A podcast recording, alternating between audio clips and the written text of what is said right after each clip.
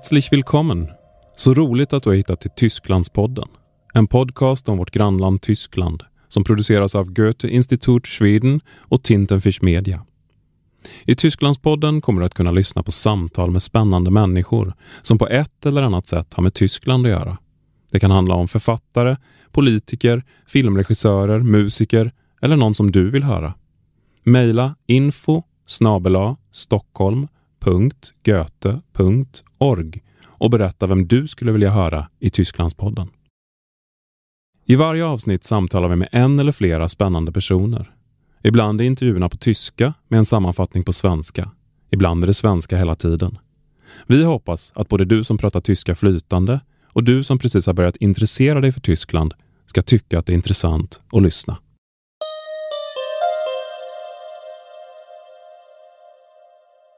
Gäst i fjärde delen av Tysklandspodden är journalisten och författaren Jan Bergman, aktuell med boken Fotohandlaren i Bisonien. Varmt välkommen Jan. Ja, tack ska du ha. Du, eh, den här fotohandlaren i Bisonien ska det handla om. Eh, det är din eh, senaste bok som har kommit ut på Norstedts. Det är ett märkligt namn på ett land, eller om det nu är ett land. Bisonien, vad är det för något? Ja, alltså man kan säga så här, det är två saker egentligen. Eh, det hör man ju på namnet. Eh, men eh, från början så var det ju ockupationszonerna i Tyskland då efter andra världskriget. Det var ju fyra ockupationszoner den sovjetiska i öster och sen i väster då så hade vi ju den brittiska, den amerikanska och den franska ockupationszonen.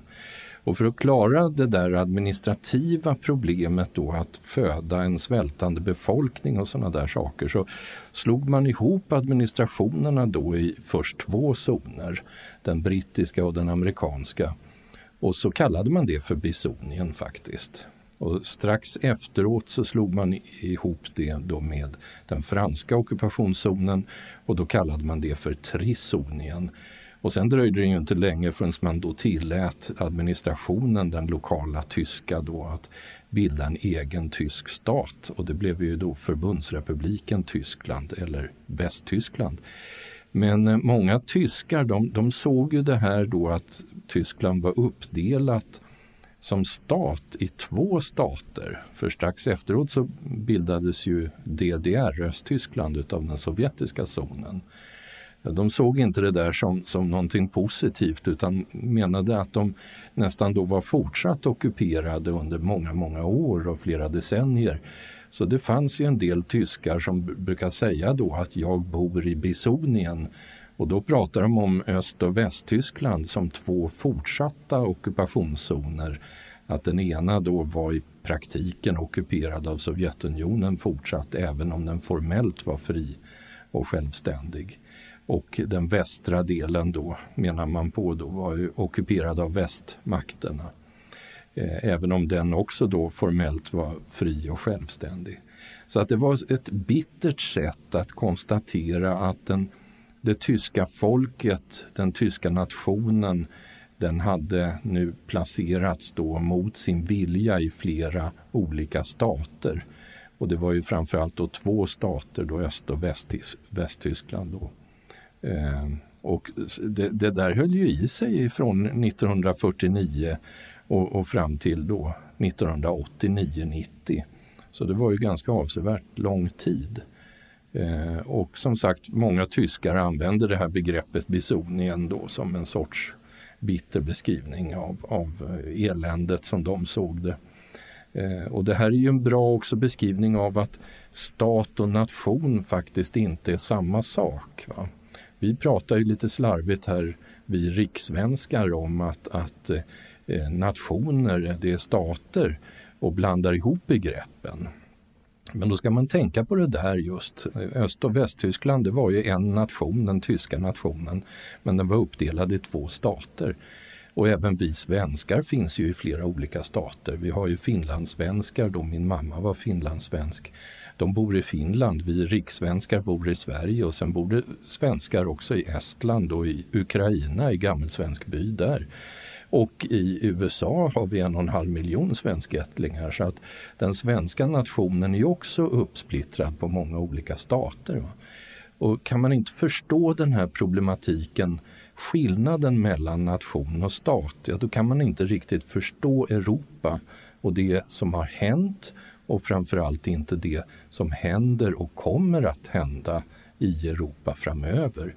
Eh, vi har ju Katalonien som exempel, vi har eh, östra Ukraina med ryssarna där. Vi har den nationella frågan är också viktig i, i Polen och i, i de baltiska staterna med sina stora ryska minoriteter.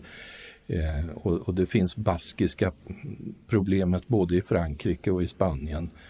Eh, så att den, den, här nationella frågan den är viktig och den kommer att fortsätta att vara viktig. Och, och det är en av de sakerna som intresserade mig eh, och som gjorde att jag ville skriva den här boken.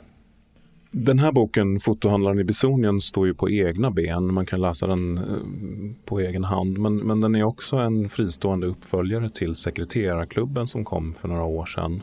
Ja, alltså jag började för väldigt länge sedan med ett sorts forskningsprojekt som eh, resulterade i ett antal böcker faktiskt. Eh, en sorts historisk bakgrund över andra världskriget och Sverige som då heter Sekreterarklubben. Och den kom till eftersom jag då växte upp eh, i ett matriarkat av kvinnor som, som då hade ett förflutet i den svenska militära underrättelsetjänsten under kriget. Så det var den saken då som förde mig in på att börja forska om detta. Och sen förstod jag ju väldigt snabbt att, att eh, ska jag förstå det här, då måste jag också titta närmare på Tyskland. Eh, och eh, kriget tog liksom inte slut heller 1945. Utan eh, det var som vicechefen då på den militära inhämtningsbyrån i Sverige sa att freden är bara en fortsättning på kriget men med andra medel. Jag märkte ju att, att jag måste gå vidare. Jag kan inte bara titta på andra världskriget utan jag måste titta på hela efterkrigstiden, det kalla kriget. Och då eh, gjorde jag Fotohandlaren i Bisonien då som en sorts eh, bok om den europeiska eller tyska kontexten, det som är så viktigt för hela Europa. Att man ska förstå den europeiska efterkrigsutvecklingen och utvecklingen i Sverige. Huvudpersonen, fotohandlaren själv, eh, kallas för Heinrich Schneider, men det är inte personens eh, riktiga namn.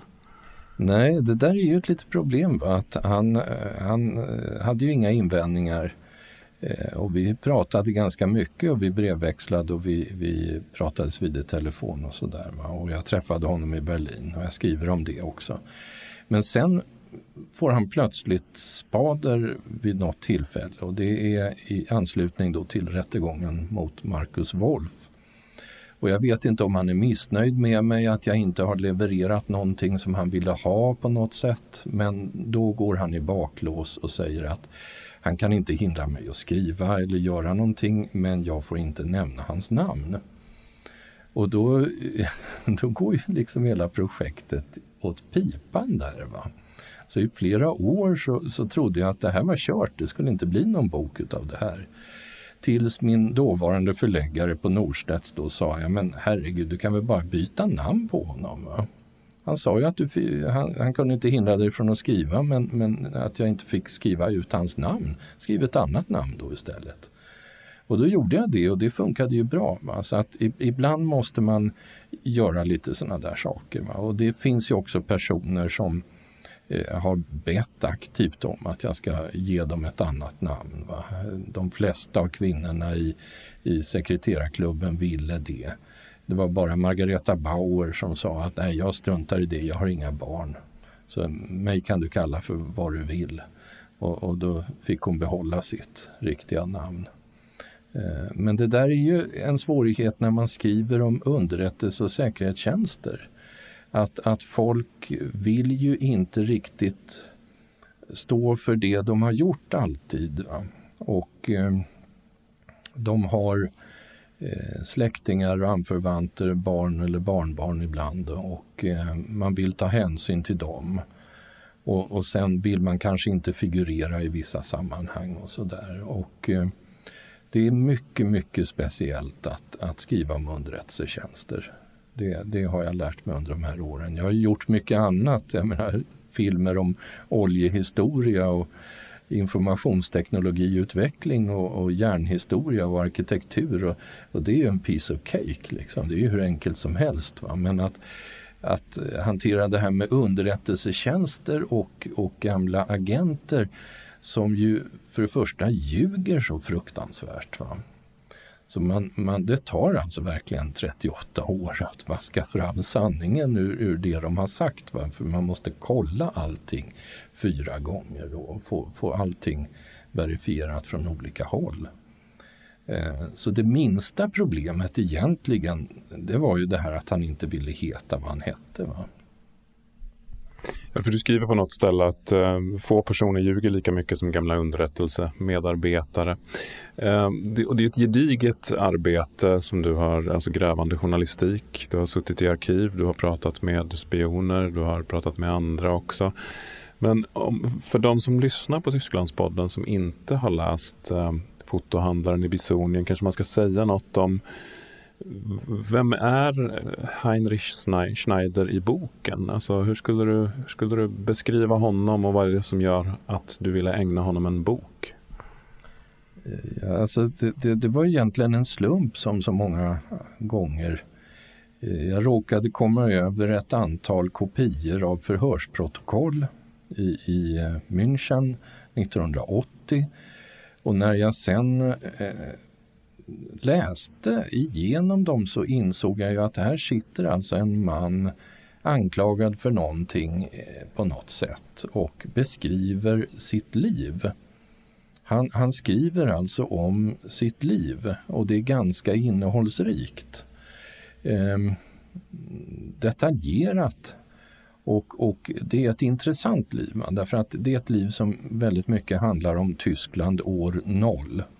Alltså direkt efter krigsslutet. Va? Det är, han börjar att prata om det är ju själva krigsslutet. Va? Men sen är det ju återkomsten till Nürnberg, hans hemstad, hans svårigheter att leva, överleva tillsammans med pappan. Eh, vad som har hänt hans mor och, och några andra eh, släktingar och vänner runt omkring. Alltså det är en väldigt gripande berättelse.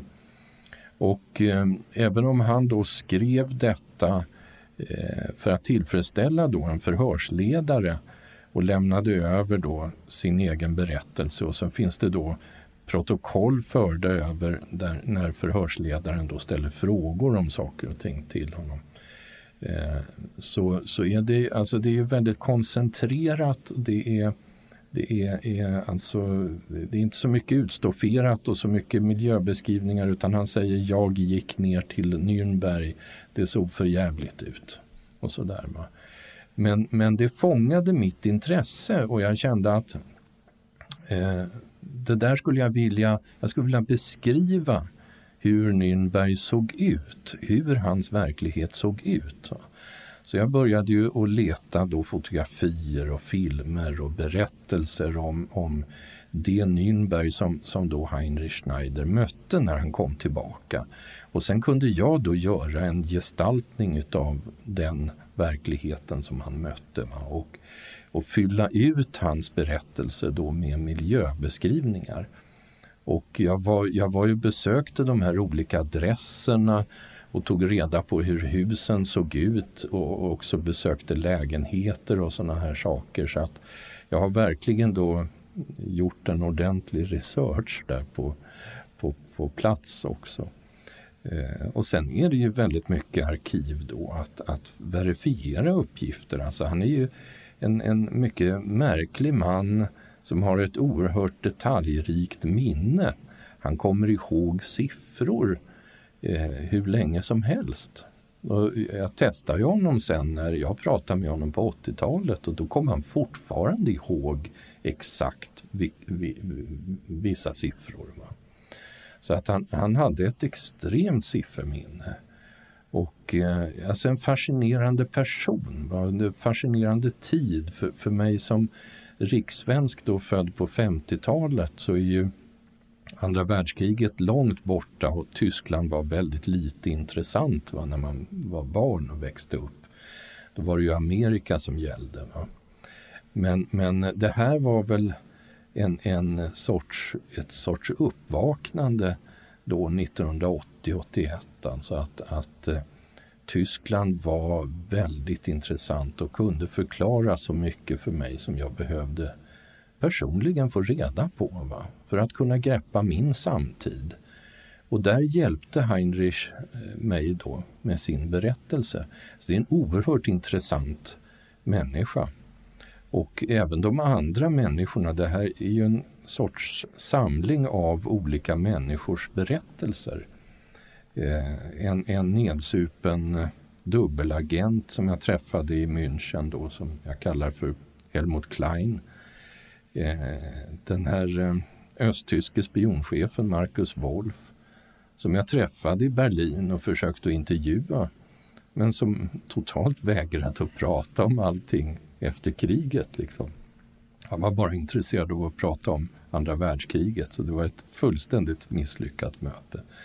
Men alltså detta är ju, det är ju människor då som är skadade, uppenbarligen skadade, va? många av dem. Och de bär på svåra trauman och de har intressanta personligheter. Va? Och jag tror att man kan närma sig en del känslomässiga insikter om Tyskland genom att, att eh, ta del av de här människornas berättelser. Va? Du, du sa förut att um, freden är det kriget som fortsätter fast på ett annat sätt eh, ungefär. Ehm, och, och, det är något som har slagit mig under läsningen av fotohandlaren i Bisonien att eh, historien tar aldrig slut. Trådarna vävs vidare. Och ehm, många som hade en position eller funktion under kriget i nazistpartiet får nya eh, politiska uppdrag och tjänstebefattningar direkt efter utan att kanske ha avsvurit sig den gamla politiska åskådningen. Men ett sätt du visar det på, det här det dubbelspelet och, och hyckleriet, är ju genom fotobranschen på ett eh, väldigt stiligt sätt. Hur eh, objektiv görs, eh, tillverkas i DDR, säljs via Schweiz som västprodukter i väst i vissa fall. Men du skriver redan i inledningen om, om fotografins speciella betydelse under efterkrigstiden. vad är det som är speciellt med fotobranschen? Alltså för det första så är det ju socialt intressant. Va? Att under efterkrigstiden så börjar alla människor över hela världen att dokumentera sig själva och sina liv genom att fotografera. Eh, det gjorde man inte så mycket före kriget utan det är någonting som kommer efter kriget. Eh, och, och då skapas ju också en massmarknad för fotoprodukter. Eh, den, den eh, stora eh, fotonationen, den stora mm, tillverkningen av fotoprodukter den, den, var ju i Tyskland före kriget. Det var ju där man hade de mest avancerade industrierna, de mest avancerade företagen, de mest avancerade forskningarna. Och, och det var ju nästan uteslutande då i östra Tyskland i Jena, i Görlitz, i Dresden. Framförallt i Dresden som ju var en huvudstad för fotografi. Och eh, det där var ju egentligen det enda som fanns av värde i östra Tyskland, i den sovjetiska ockupationszonen.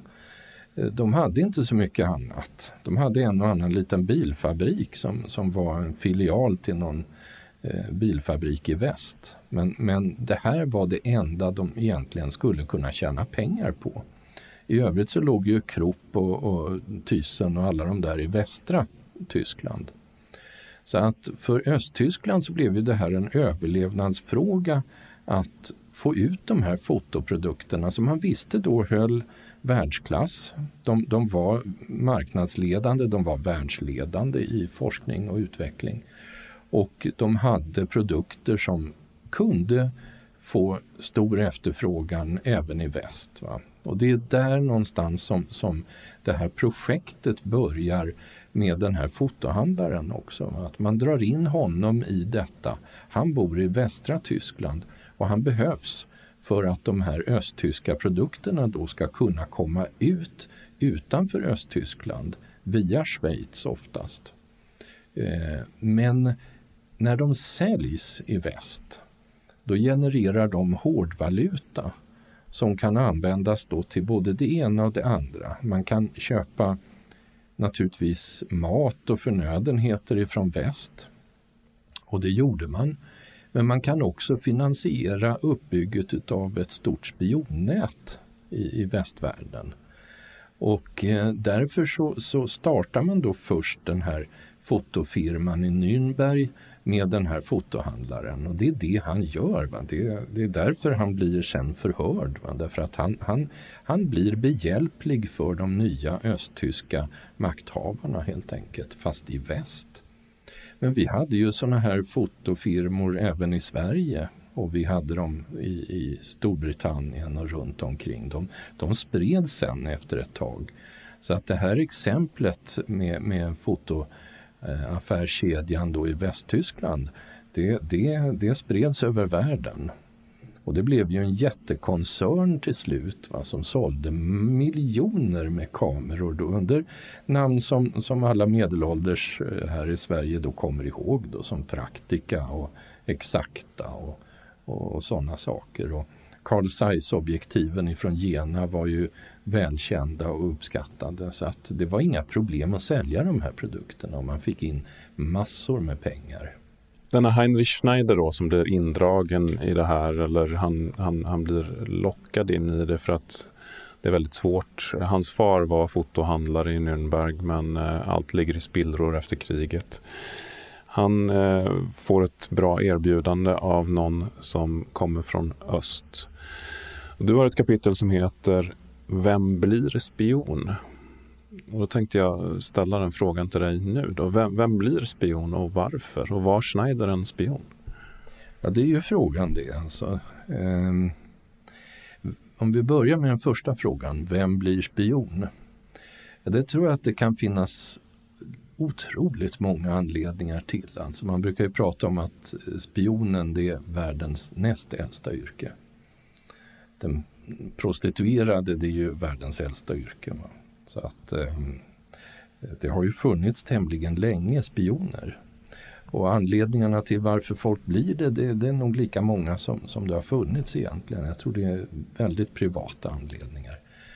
Eh, en del blir ju det därför att de är lojala med någonting. Och jag tror att i Heinrich eh, Schneiders fall då så var det ju två faktorer som var avgörande. Dels en överlevnadsfråga. Va? Han kunde få hjälp att dra igång den här avsomnade fotoaffärsverksamheten. Annars hade han kanske inte överlevt med sin familj. Va?